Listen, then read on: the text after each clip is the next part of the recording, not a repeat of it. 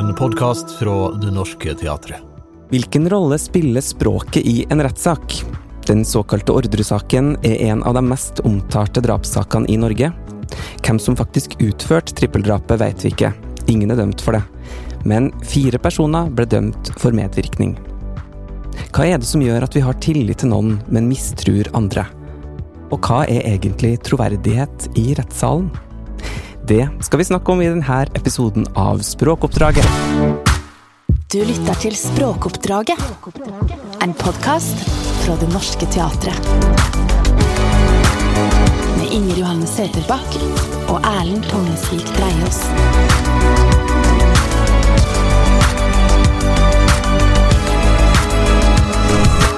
Dagens gjest er forfatter og litteraturviter. Nå har hun skrevet bok om en av Norges mest kjente drapssaker, Orderud-saken. Velkommen til språkoppdraget, Line Normann Hjort. Takk, det er fint å være her. Vi skal straks komme tilbake til det, men først har vi et fast spørsmål som vi stiller alle gjestene. Hva slags språkbruker er du? Jeg er vel en språkbruker som som pendler i språket, på samme måte som jeg pendler mellom to land. Jeg bor i Danmark og har gjort det i, i 20 år. Jeg taler dansk med mine barn. Så jeg, jeg skifter veldig mye mellom norsk og, og dansk, og det har i perioder gjort meg litt språkforvirret. Eh, det, det er jo to språk som minner veldig om hverandre, og noen ganger kan det være litt vanskeligere på en eller annen måte, fordi man da helt i begynnelsen i hvert fall, gikk litt i surr om hva jeg snakket jeg dansk eller norsk nå. Og, og når jeg begynte å snakke prøve å snakke dansk og kom til Norge og skulle snakke norsk, så snakket jeg sånn konservativt norsk, følte jeg. Og så begynte jeg å legge på veldig mange sånne a-endinger og sånn sleng veldig for å liksom føle at jeg skulle markere overgangen, da. Men nei, jeg er nok Jeg er nok en som, ja, både snakker og tenker på litt to nære, men allikevel ulike språk. Men de er liksom fletta inn i hverandre, da dansk og norsk for deg? Det er sånn at det er flytende dem, eller kan du si nå jeg, nå er norsk og switch over, liksom? Jeg husker første gangen jeg, da jeg liksom bestemte meg for at jeg ville prøve å lære dansk, da, for man kan jo bo i Danmark uten å begynne å snakke dansk, de fleste nordmenn gjør det, men jeg bodde i Årøs, og så skulle jeg eh, haike. Eh, fra Årøs og opp til Hitch, altså ta fergen, da, og så ble jeg plukket opp av en dame som først snakket alborsk. Og så hørte hun at jeg var norsk, og så sa han 'Å, jeg er fra Stavanger'. det lød så jævlig kult. Um, så tenkte jeg ah, det der det vil jeg også kunne. Og så begynte jeg å prøve å lære meg dansk, da. Og da var det en lang periode hvor jeg følte at jeg var i sånn intetmannsland, eller at jeg bare snakket verken dansk eller norsk. Det var bare en smørje, liksom. Men, eh, men, med årene så har jeg, og dette er jo da ja, 18 år siden, så med årene har jeg fått en sånn helt automatikk som gjør at jeg, når jeg hører dansk, så snakker jeg dansk, og når jeg hører norsk, så snakker jeg norsk. Og det husker jeg at var litt utfordrende da jeg fikk barn for elleve år siden, for jeg var veldig opptatt av at de skulle kunne norsk, så jeg ville snakke norsk med dem. Um, så så så lenge hun var veldig liten og ikke hadde et språk, så, kunne, så var det liksom viktig for meg liksom, Hver gang jeg så på henne, så skulle jeg tenke norsk, norsk, norsk. norsk. Altså, så da klarte jeg liksom å snakke norsk til henne, for jeg snakket jo da dansk med hennes far. Ja. Um, mens med en gang hun begynte å få et språk selv, og, og det var dansk, selvfølgelig, og hun som begynte å ha danske ord og snakke til meg på dansk, så var det så utfattelig vanskelig å holde fast i at jeg skulle snakke norsk til henne. Fordi rett og slett, det var liksom på ryggmargen det at når jeg hørte, når jeg hørte dansk, så snakket jeg dansk. Og når jeg hørte norsk, så Så nå kan jeg nærmest pendle fra setning til setning. Altså hvis du var dansk, altså mm. Erlend, og, mm du var norsk, så ville jeg si liksom en norsk setning til deg og en dans til deg. Mm. Uten at jeg tenkte spesielt over det. Altså, det høres ut som du har en, en sammensatt språklig identitet som du òg har vært ganske bevisst på. da. Jeg har i hvert fall blitt det, og særlig fordi jeg jo de siste årene har begynt å beskjeftige meg så aktivt med språk. da, altså Også skriftlig, og veldig mye av mitt arbeid involverer språk. Jeg elsker jo jeg elsker å leke med språket også. Jeg er sånn som elsker å sitte og rime og liksom kan fikle på setninger kjempelenge og syns det er dritgøy, liksom. Få flere timer til å gå på en kveld. Så, så, sånn sett så er det blitt noe som Ja. Jeg er veldig bevisst mitt språk. Noen ganger nesten kanskje også for mye. At jeg kan tenke for mye over hva jeg sier, hvordan. Og det kan jo også bli litt slitsomt. At det nesten står i veien for, for det du vil si, da, eller? Ja, det er en veldig stor forskjell for meg, det muntlige og det skriftlige. da. Altså Jeg er veldig sånn um, opptatt av å skrive liksom presist, og der har jeg liksom kontrollen, selvfølgelig. Men så er jeg også en, jeg er en skravlekjerring. Jeg har bare Kjeften kjører. Så, og jeg er veldig, snakker ofte fort og høyt, som jeg forberedte dere på i, i, forkant av dette. Og da kan jeg jo liksom, så jeg er virkelig ikke sånn en som tenker veldig før når det kommer noe ut av munnen på meg, men det derre arbeidet etterpå, da. Sånn litt åh, gud, sa jeg det? Og hva mente At det er liksom Ja. Det er veldig intuitivt, og det verbale er veldig sånn uh, umiddelbart for meg, da. Men jeg jobber veldig mye mer sånn veldig Mye mer grundig, da, med det skriftspråket. Jeg kjenner meg veldig igjen i be begge, begge delene. Ja. det må jeg si. Og så er det da sånn at du har valgt å gi ut en bok om språket i Orderud-saken og troverdighet i rettssalen. Altså, Orderud-saken, aller først for dem kanskje få av lytterne som ikke husker akkurat hva var det igjen? Kan du ikke si hva var det? Orderud-saken, ja, en stor, kjent og faktisk fortsatt uløst kriminalsak fra eh, 99. Uh, som hadde to runder i rettsapparatet, en i 2001 og en i 2002. Men det var jo altså, ja, for de som er like gamle som meg, så tror jeg de fleste husker den fra media den gangen. Men det er jo Jeg har begynt å bli gammel, så det er mange, mange unge som kanskje ikke har hørt om den. Og det er altså et, et trippeldrap. De har vi jo ikke mange av i Norge, men det er um, to, eh, et ektepar, altså to foreldre og deres datter, som blir funnet drept um, mai 1999. og um, ikke så lenge etter så blir da sønnen i familien, altså broren til uh, til Anne Paus da, og Christian og Marie, foreldrene, eh, blir um, ja, eller han blir mistenkt uh, i den saken sammen med sin, da, sammen med sin daværende kone. Og uh, konens uh, halvsøster og hennes daværende kjæreste, Lars Grønnerød og Kristin.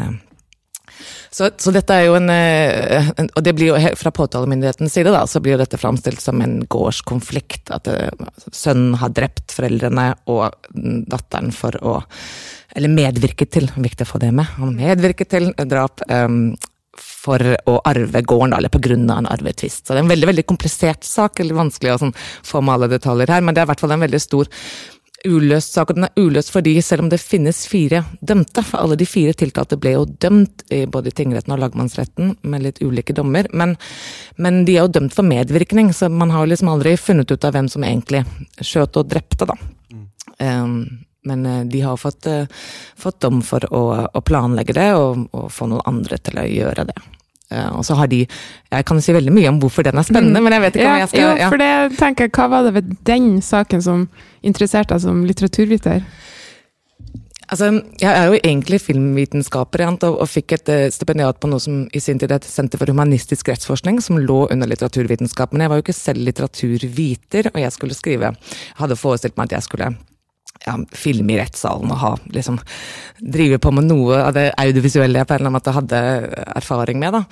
Um, men det måtte jeg legge fra meg ganske kjapt, for jeg forsto at det er urealistisk å få til. på en eller annen måte. Så jeg satt der med et stipendiat og egentlig var litt i tvil om hva jeg i all verden skulle bruke de fire årene på.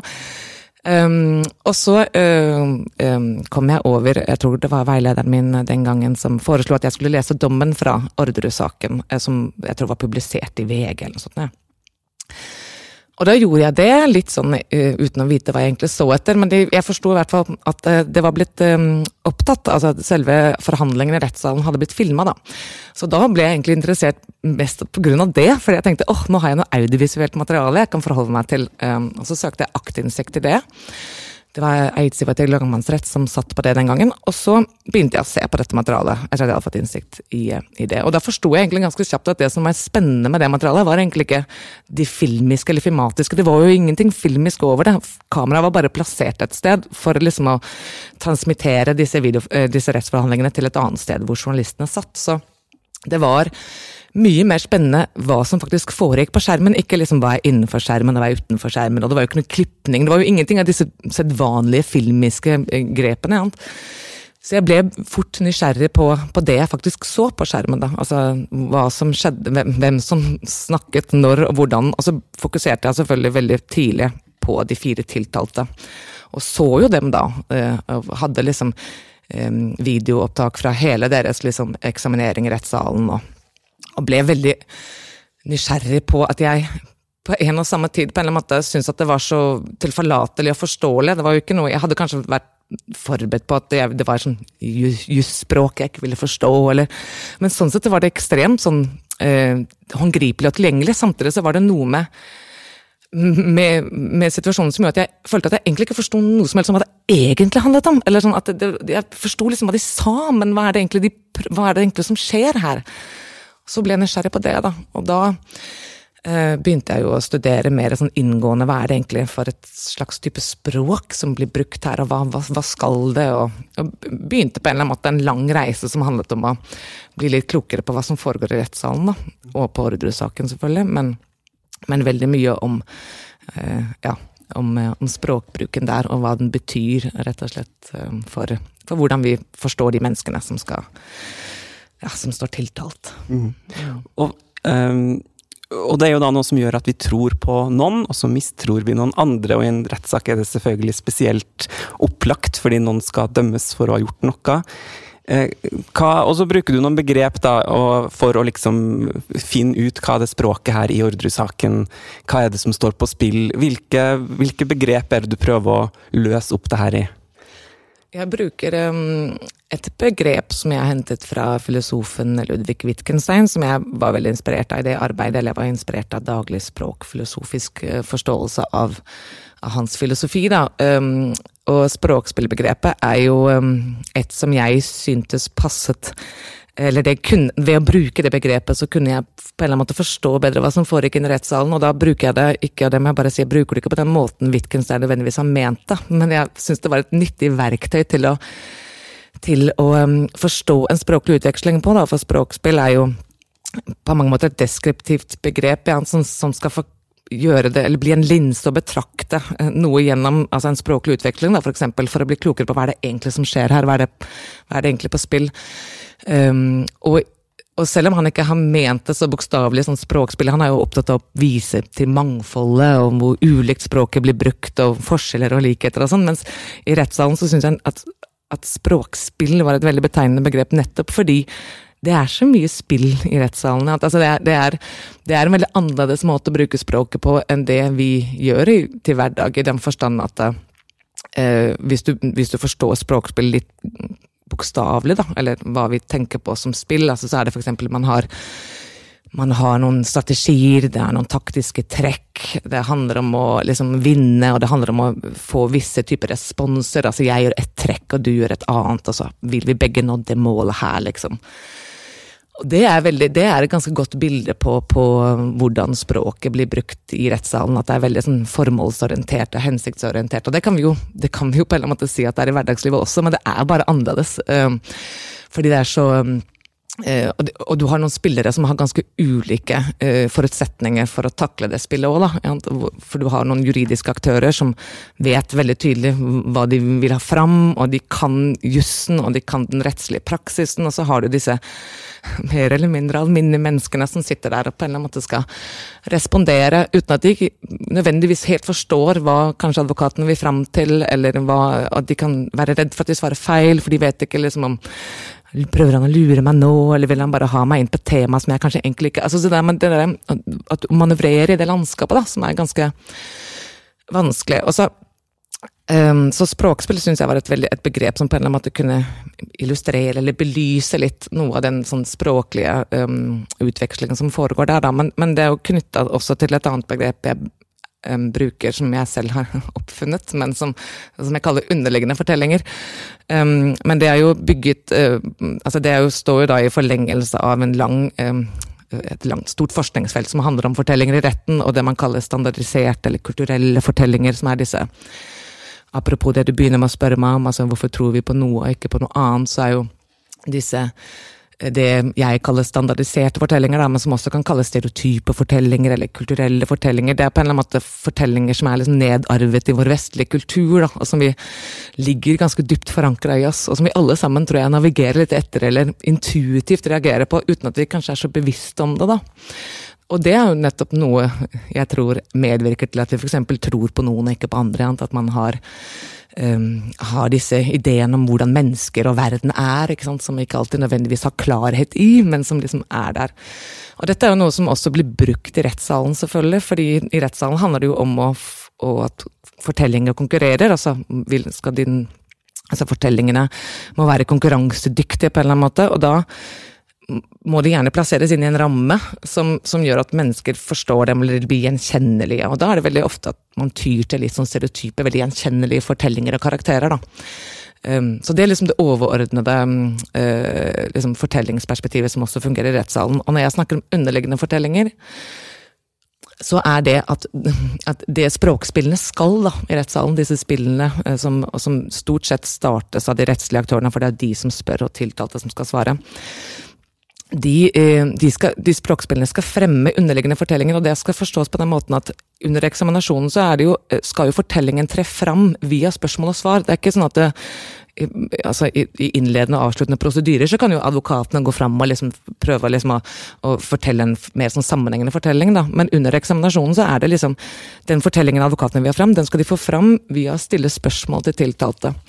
Og det advokaten hele tiden da, språkspillene deres skal, det er liksom få fram den underliggende fortellingen som de gjerne vil ha fram, da. Og i Orderud-saken, for eksempel så er det da ofte veldig to dikotomiske fortellinger som konkurrerer med hverandre. Nå har jeg ikke gått veldig dypt inn i den for de som ikke kjenner den i forveien, men du har jo eh, Veronica Orderud eksempel, eller Per Orderud sønnen, da, bare for å ta han siden han eh, jeg nevnte han eh, innledningsvis. altså Han blir jo enten framstilt som denne uh, bitre, hevnmodige sønnen som bare ville, var grisk og ville ha gården og tok livet av familien sin. Eller han er denne på en måte egentlig bare kjærlige, litt sånn forsiktige fyren som liksom ikke har som har villet alt vel, men så har det gått galt, og så har han ikke hatt kanskje språklige eller menneskelige evner til å ja, til å vise det i retten og sånn. da, ja. Så du har disse dikotomiske fortellingene, og underliggende fortellingene er liksom de, de, de, er underliggende fordi de blir ikke fortalt i sin helhet, men språkspillene skal få dem til å vise seg, da ja, jeg, jeg, snakker igjen. Ja, det er kjempeinteressant. Men jeg, jeg, tenker på, det er jo Det høres jo ut som at vi har veldig ulike forutsetninger for å lykkes som tiltalt i en rettssak, da. Ut fra hvordan språk eh, Hvor godt utvikla språk vi har. Altså, det vil jeg absolutt mene, og jeg tenker at um, altså, det å ja, å ha, et, ha, en språklig Å mestre språket på en eller annen måte er det svært uh, avgjørende for å for å takle den situasjonen du kommer i som tiltalt i rettssalen. Jeg tror ikke jeg ville jeg, Igjen, jeg sitter her og kaller meg selv en, en, en sånn sladre... Eller slik sladre, preikekjerring, men altså, selv i den situasjonen tror jeg at jeg ikke ville kunne altså, Og det er nettopp noe av det også, på en eller annen måte, hvis jeg skal komme litt tilbake til noe av det du sa før, da, eller altså dette med hvorfor mistror vi noen og ikke andre, og sånn, så tror jeg at det, fordi på mange måter så er jo den situasjonen i rettssalen er så spesiell at den er, kan jo egentlig ikke sammenlignes med alle de, de intuitive vurderingene vi gjør i hverdagslivet, som vi gjør hele tiden. For vi er helt avhengig av sånne for å navigere i verden.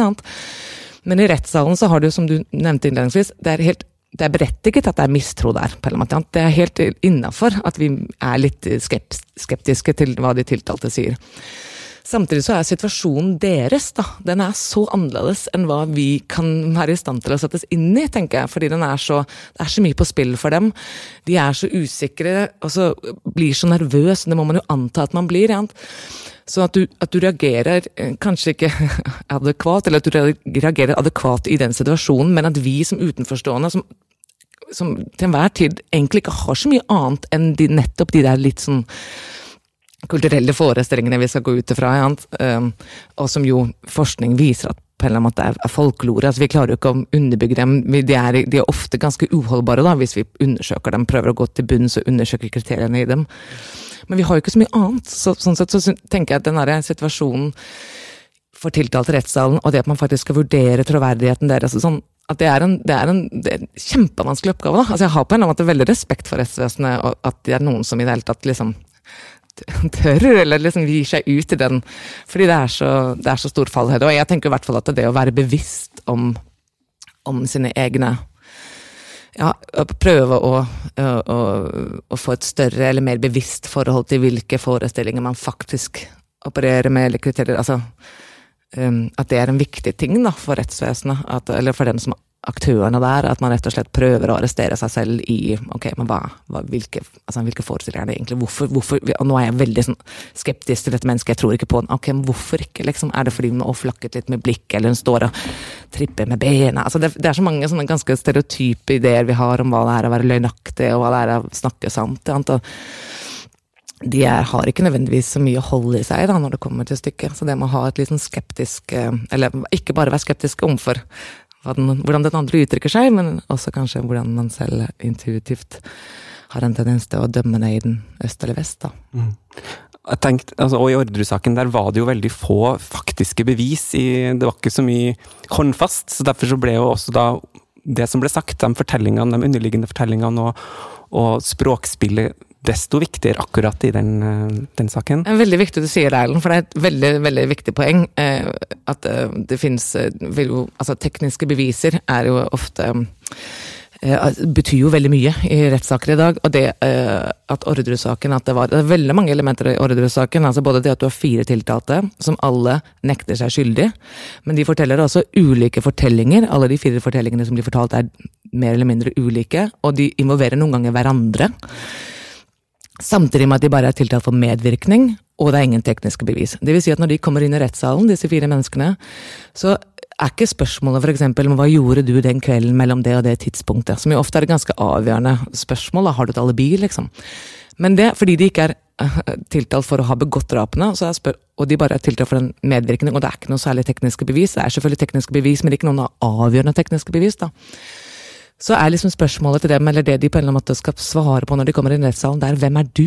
Hva er du for et menneske? Er du et menneske som vil være i stand til å planlegge og realisere et sånt trippeldrap? Så de skal jo på en eller annen måte fortelle fortellingen om hvem de er, ja. og så konkurrerer de med hverandre uh, i å, å, lykkes i den oppgaven, da. Jeg, jeg, tror jeg ville ha følt meg så maktesløs hvis jeg da skjønt at her er det et, et språkspill på gang som prøver å stemple meg som den typen der.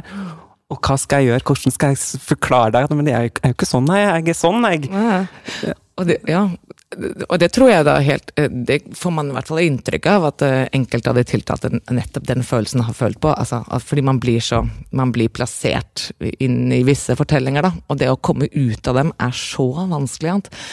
For eksempel så er jo det noen ganger så uh, Altså Pers fortelling kan jo bære litt preg av at, han, at han, hele hans fortelling er en motfortelling. Han er bare opptatt av å ikke være det påtalemyndigheten sier han er. Ja. Og det, også, det, kan også bli en vanskelig fortelling å få gjennomslag for. fordi det er mye mer Påtalemyndighetens fortelling er mye mer dramatisk. Og du er en hevngjerrig sønn, og vi kjenner igjen masse elementer fra greske tragedier. og ser det for oss. Ja. så han er bare Nei, men jeg er ikke sånn. Er ikke, alt var bare bra. Ja, det, sånn, er jo en kjedelig fortelling i forholdet. Så det er, det er, det er kjempe Nå får det til å lyde morsomt, men det må jo være helt forferdelig. Altså, ja. Det er jo, ja. Men, men, jeg tenker på, for Du, du snakker om, uh, om fortellingene, men har det og har du også sett mer på hva slags ord man velger, og liksom på en måte det helt konkrete språket man bruker i fortellingene? Ja, øh, og, og, hva det har å si? Hvordan? Ja, altså jeg, jeg har um, jeg, jeg, går jo ganske sånn konkret detaljert til verks faktisk når jeg mm. analyserer, for jeg går da inn og analyserer språkbruken til alle de fire tiltalte, som er veldig ulik. Og da prøver jeg på en eller annen måte å, å knytte nettopp hvordan deres språkbruk eh, på en eller annen måte bidrar til å fremme ulike fortellinger, da. Um, og det er helt uh, og så prøver jeg å gjøre meg klok på i hvilken grad dette har påvirket troverdighetsvurderingen av dem, da, eller det vil si hvordan oppfatter vi disse Uh, hva gjør det ved Veronica, f.eks. at hun har en tendens til å bruke mye mann og dis, altså, eh, Så hun distanserer seg på en eller annen måte veldig ofte til det hun sier. Um, og at hun også har sånn det, ble sånn, eller det var sånn det ble. Altså at, hun, at det er noe med at, at ja, Hva betyr det at hun har en tendens til å på en eller annen måte framstille tingene som om hun ikke er et aktivt handlende subjekt, eller hun ikke har noe med det å gjøre i det hele tatt? Og det kan jo være en, en forsvarsposisjon som man på en eller annen måte som, som vitner om det, men det kan også ha veldig mange andre konsekvenser i forhold til hvordan vi tenker om henne, og hvordan hun framstår. Og noe med den saken er jo at de framstår aldri isolert, de framstår jo alltid lyset av hverandre. Og det er altså noe av det som er det interessante. For du, du, de kommer ganske rad. Det er liksom Per, og så er det Veronica, og så er det Kristin, og så er det Lars. Så, så du, du, ser, du, hører alltid på den ene litt i lys av hva du har hørt hos den andre. Og det er, det er så når du får Kristin inn, som er liksom en, en, et fyrverkeri av, et menneske, og en som, som snakker løs så sjenerøst liksom i øst og vest, så, så, så, det, så, blir det vanskelig på en eller annen måte for noen av de andre, rett og slett fordi det, det er noe um, noe underholdningsverdi i det, og det skal man selvfølgelig uh, arrestere seg selv i. Men, men, ikke desto mindre så er det jo mennesker som sitter der i rettssalen, og at sånne ting har noe å, å si, tror jeg ikke tror jeg ikke det er så mye tvil om. Men så er det selvfølgelig eh, et spørsmål om å, å edrueliggjøre seg selv, da, når man, eh, når man betrakter det og, og, foretar disse troverdighetsvurderingene. Jeg har jo, prøver jo å argumentere litt for i boka mi at jeg syns at eh, hvis, hvis, man skal foreta, eller når man foretar en troverdighetsvurdering av de tiltalte, så burde den inkludere på en måte alle aktørene i den språklige utvekslingen. Da. Altså jeg mener at hvis man, skal vurdere ett, det ene mennesket som sitter i tiltaleboksen, så, så, må liksom samtidig vi vurdere hvem er det som stiller hvilket spørsmål, på hvilken måte. Og på en eller annen måte lage nærmest en troverdighetsvurdering av advokatene og de juridiske aktørene også. Um, at det ville um, ja, for det ville i hvert fall gi et, et, mer sånn oversiktlig bilde av hva for en situasjon da, de, de er i. Men jeg, jeg tenker på det, vi, man, vi, som er på en måte verbal, har jo ofte fordeler i, i livet, tenker jeg. Men, men, men, så er det òg noe hvis det bekker over at du blir sett på som liksom en sånn skravlekjerring. Det er jo på en måte negativt igjen. Altså, om det har noe å si hvor, hvor mye du prater ut fra hvilket bilde som blir skapt av deg i en rettssal? Ja, altså jeg tror Generelt så tror jeg det er kjempevanskelig å generalisere det, eller si mm. noe generelt om det. For jeg tror det er veldig ulikt i forhold til hvilke saker man har med å gjøre, og hvilke nettopp Ordresakene er nettopp, som jeg sa, spesielle fordi du har disse fire menneskene som uvegelig blir forstått i lys av hverandre, da, og hvordan de bruker språket blir også veldig sånn tydelige fordi de står i kontrast til noen av hvordan andre bruker språket. Så det jeg, mm, Selvfølgelig så vil det kunne gi noen negative konnotasjoner hvis man var en som, som, eh, som, som skravla løs. Men jeg tror det er noe med at det, i, i um, det å være, på en eller annen måte, det å være giving eller sjenerøs i en sånn situasjon, tror jeg, tror jeg, på en eller annen måte nesten eh, lettere kan få positive konnotasjoner i den forstand at det, um, at settingen altså det er jo, altså Hvis jeg skal ta fatt i Kristin, da, fordi som sagt, det er, hun, det er hun jeg har studert, og jeg kan ikke si noe om sånn generelt, men så er det jo noe med, med, med at det er så At å være den, den som snakker altså jeg tenker på sånn, Dette er jo noe som gjelder ganske mange rettssaker. at man har, Hvis man har noen som gir mye informasjon og gir mye stoff, så er det jo takknemlig for alle. Ja, det er takknemlig både for påtalemyndighetene som kan bruke det, f.eks. Eller men bare det, liksom, for det er jo en situasjon hvor mange kan bli veldig knappe mm. ord, og nervøse, og, liksom, og, de, og, de, har kanskje ikke så mye de har lyst til å si. Så det der med å være den som snakker, både sikkert i etterforskningsfase også, men det, og i rettssalen, så blir du, du blir liksom du, du, blir den som det på en eller annen måte er lettere å ha med å gjøre, eller som kan hjelpe, da, og bidrar på en eller annen måte. Du, altså, det er sosialt ansvar i rettssalen, nærmest. Ja, og det, bare generelt. Og det å liksom være den som ikke snakker eller ikke forteller, er jo nærmest per definisjon, når du møter rettsvesenet og politiapparatet og sånn, er jo det nærmest en dårlig ting. De blir mm, brukt imot deg med en gang. Og han sier jo ingenting. Det er nok fordi altså, Selv om du, du, ikke sier noe fordi du ikke vet noe, så blir det sånn Nei, men du holder noe skjult, eller Det det finnes det jo altså nå er, jo, nå er det jo ikke noe Jeg har ikke noen sånn mening om hvem som har gjort hva i Orderud-saken, og det har aldri vært oppgaven min å liksom finne ut av hvem som er skyldig, eller hvem som snakker sant, men Så det, det har jeg fortsatt ikke. Men, men, men du kan jo se på ganske mange andre saker hvor det blir veldig tydelig at det å være den som faktisk snakker, gir deg en veldig takknemlig posisjon, da. Hvor det å være den som sier at du ikke har noe å si, blir brukt imot deg med en gang, som at du holder noe skjult. Så det å, det å være Det å faktisk eh, snakke, tror jeg eh, eh, altså, og for eksempel så er jo Kristin sånn en som snakker, og hun snakker om ting som man tenker at ikke er relevant i det hele tatt også, og det er liksom bare men, men hun snakker, og det hun gir til meg som gaver. og Det, er ingenting som nødvendigvis henger på greip heller, og ting kan drukne litt i mengdene. Det kommer så mye at man liksom sånn Om ikke det henger helt sammen, så, så legger man ikke helt merke til det. Og så er det noe med måten det gjøres på, da. For eksempel så blir hun spurt om sånn men hvor mange ganger ble du avhørt i perioden mellom liksom, mellom uh, den og den dato i juni og til august, og så sier hun sånn Uff, men det, det veit jeg ikke, det må jo være sånn syv eller ti eller noe sånt. og så sier og dette er forsvareren til eh, Veronica sier sånn ja, du ble, du ble avhørt ti ganger i denne perioden, Kristin. Hvor mange av de ti gangene tror du du har gitt ulike, ulike forklaringer? Og så sier Kristin ja, men det må i hvert fall være ti, da! så du vet, hun har den der, hun avvæpner veldig mye, da. Ved at hun har den sånn hun er, For det første så hun, er hun slagferdig, men så har hun også en, en Så den skepsisen da, som veldig mange av språkspillene til advokatene beror på, de er, jo, de er jo per definisjon ganske skeptiske, for de skal jo i hvert fall hvis ikke man intervjuer sine egne, eller unnskyld, eksaminerer sine egne eh, klienter så er det jo veldig mye skepsis i, i mistenksomhet da, knytta til disse språkspillene. Mens når du liksom svarer på den måten, så avvæpner du hele. liksom, Og det er, det er, noe med det som også gjør at man liksom, det er som om det letter litt i rettssalen. I en sånn, Folk kan jo nesten komme til å glemme hva det handler om igjen, bare fordi det, fordi det er eh, ja. ja, det, det, er jo, det, det, er jo, noen mekanismer som høres ut som, som er i mange sosiale settinger, som òg finnes i rettssalen. At man blir litt sånn glad for dem som byr litt på å ta litt sosialt ansvar for uh, å skape litt god stemning. Høres jo faktisk sånn ut. Ja, så kjenner jeg med en gang at jeg blir litt sånn redd for å være den som sier det, da. Men, altså, jeg, men jeg, fordi det er jo ikke en uh, jeg tror ikke nødvendigvis at det gjelder uh, som, noen, sånn, som, noen, regel, eller som en Men at det har gjort det litt kanskje i denne saken, og at det, vi er jo, det er jo fortsatt bare mennesker som sitter i rettssalen. Altså, det er jo liksom ikke Um, selv om man har alle mulige um, liksom, uh, hva, hva, kaller man det, altså forventninger, eller på en måte at man skal, man skal ikke uh, være subjektiv eller føle for mye, du skal på en eller annen måte du skal ikke forholde deg til hva som er skrevet i media. Altså, vi har jo alle sånne uh, forventninger til på en eller annen måte hva, hva, de som sitter og vurderer rettssalen skal og ikke skal. Men, men, når det kommer til stykket, så er de mennesker som hos alle andre. Og de vurderer ut ifra Selvfølgelig kan de ha en rettslig kyndighet, men de vurderer jo også ut ifra uh, egne erfaringer, egne holdninger. Og uansett hvor mye man prøver å legge dem til side, så så er de der jo, men det er jo derfor jeg mener at Og det, det kan vi liksom ikke unngå. Jeg vil til enhver tid,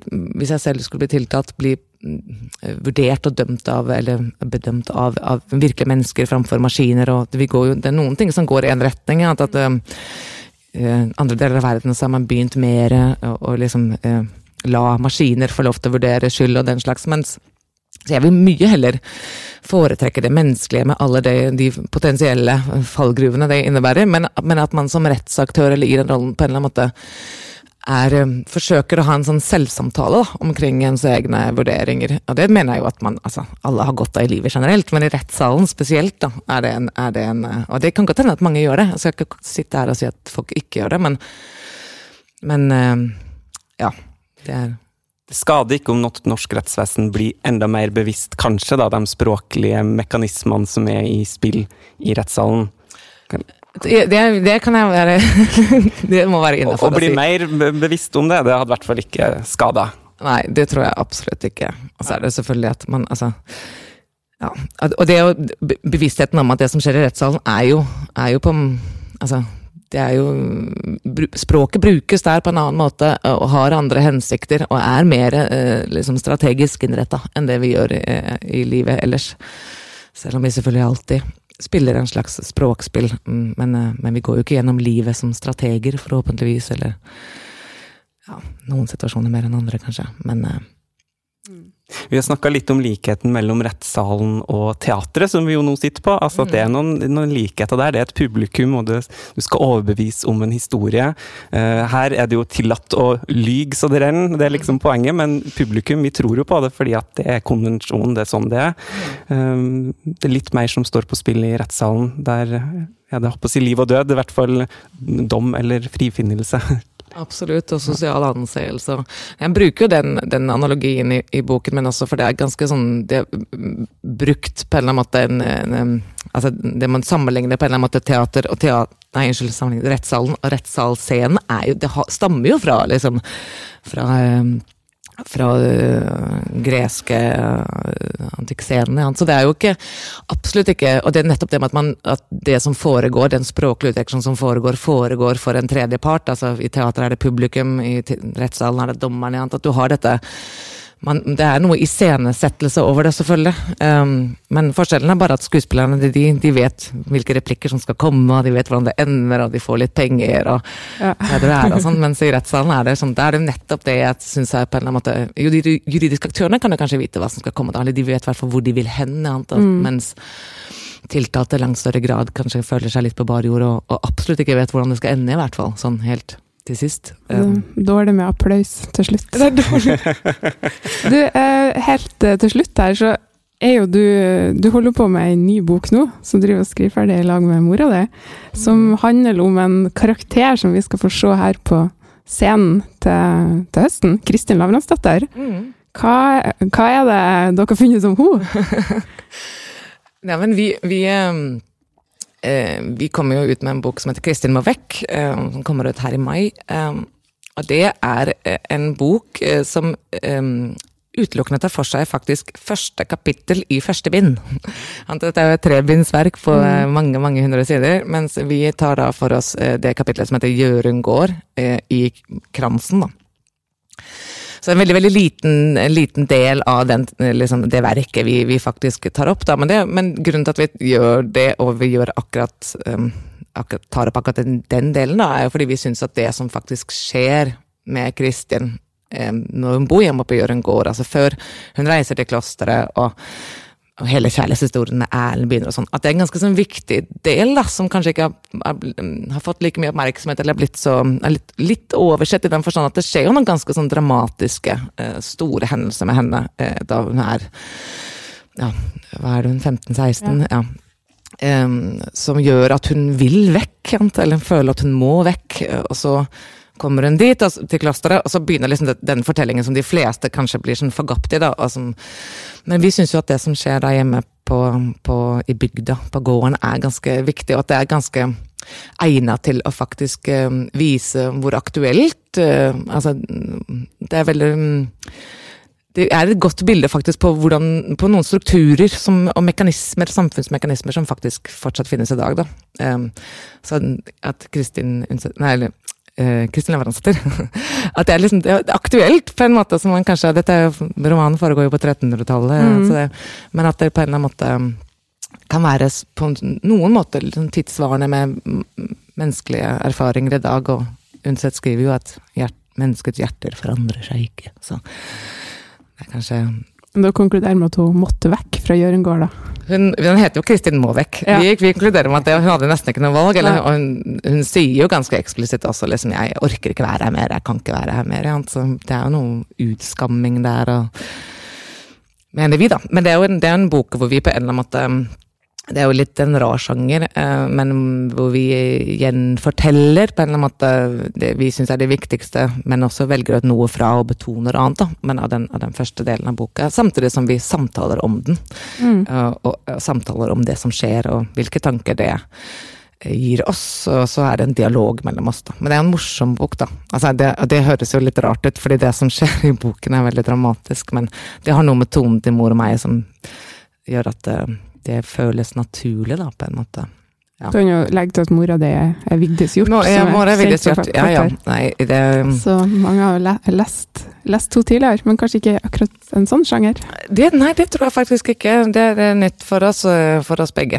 Men, men, det har vært veldig, veldig gøy å jobbe med, da, faktisk. Det må jeg si. Jeg, har, jeg er jo veldig vant til å til på en måte, Vi jobber jo begge med skrift og med litteratur på ulike måter. og hun, Jeg er vant til å lese hennes tekster, og hun leser mine. Men jeg, vi har ikke jobbet sammen på denne måten før, og det kunne jo gått, kunne gått helt skeis, det. Men, men, det har vært overraskende morsomt og lett, på en eller annen måte. Mm. Kristin må vekk, kan vi glede oss til senere i vår. Mm. Mens troverdighet i rettssalen, kampen om fortellingene, den er i bokhandel nå. Absolutt. Ja. Løp og kjøp! Helt avslutningsvis så pleier vi også å spørre gjesten om de har et favorittord de har lyst til å dele med oss. Oh. uh. Oi, oi, oi. Favorittord Mor. Nei, vet da søren. Nå, nå, kommer det bare fordi jeg har sittet og snakket, snakket om Ragnfrid og Kristin Lavrans datter og mor. Nei, nei, det blir jo helt feil om jeg sier mor, altså. Jeg vet hva, det, det er favorittord. Språkspill, da. Nei, vet da søren. Ja, språkspill. Ofte er det det første som detter ned i hodet, så språkspill. Ja. Det var egentlig det andre som datt ned. Men... Det var andre. Ord eller språkspill. Ja. Kanskje, det, kanskje de henger sammen. Det er opten for refleksjon. Tusen hjertelig takk for at du var med i Språkoppdraget. Takk for at jeg fikk komme. Det var hyggelig å være her. Bli med i samtalen. Send inn dine spørsmål og kommentarer til sprakoppdraget krøllalfa denorsketeatret.no. Produsent er Ole Herman Andersen. Flere podkaster fra Det Norske Teatret finner du i podkastappen din.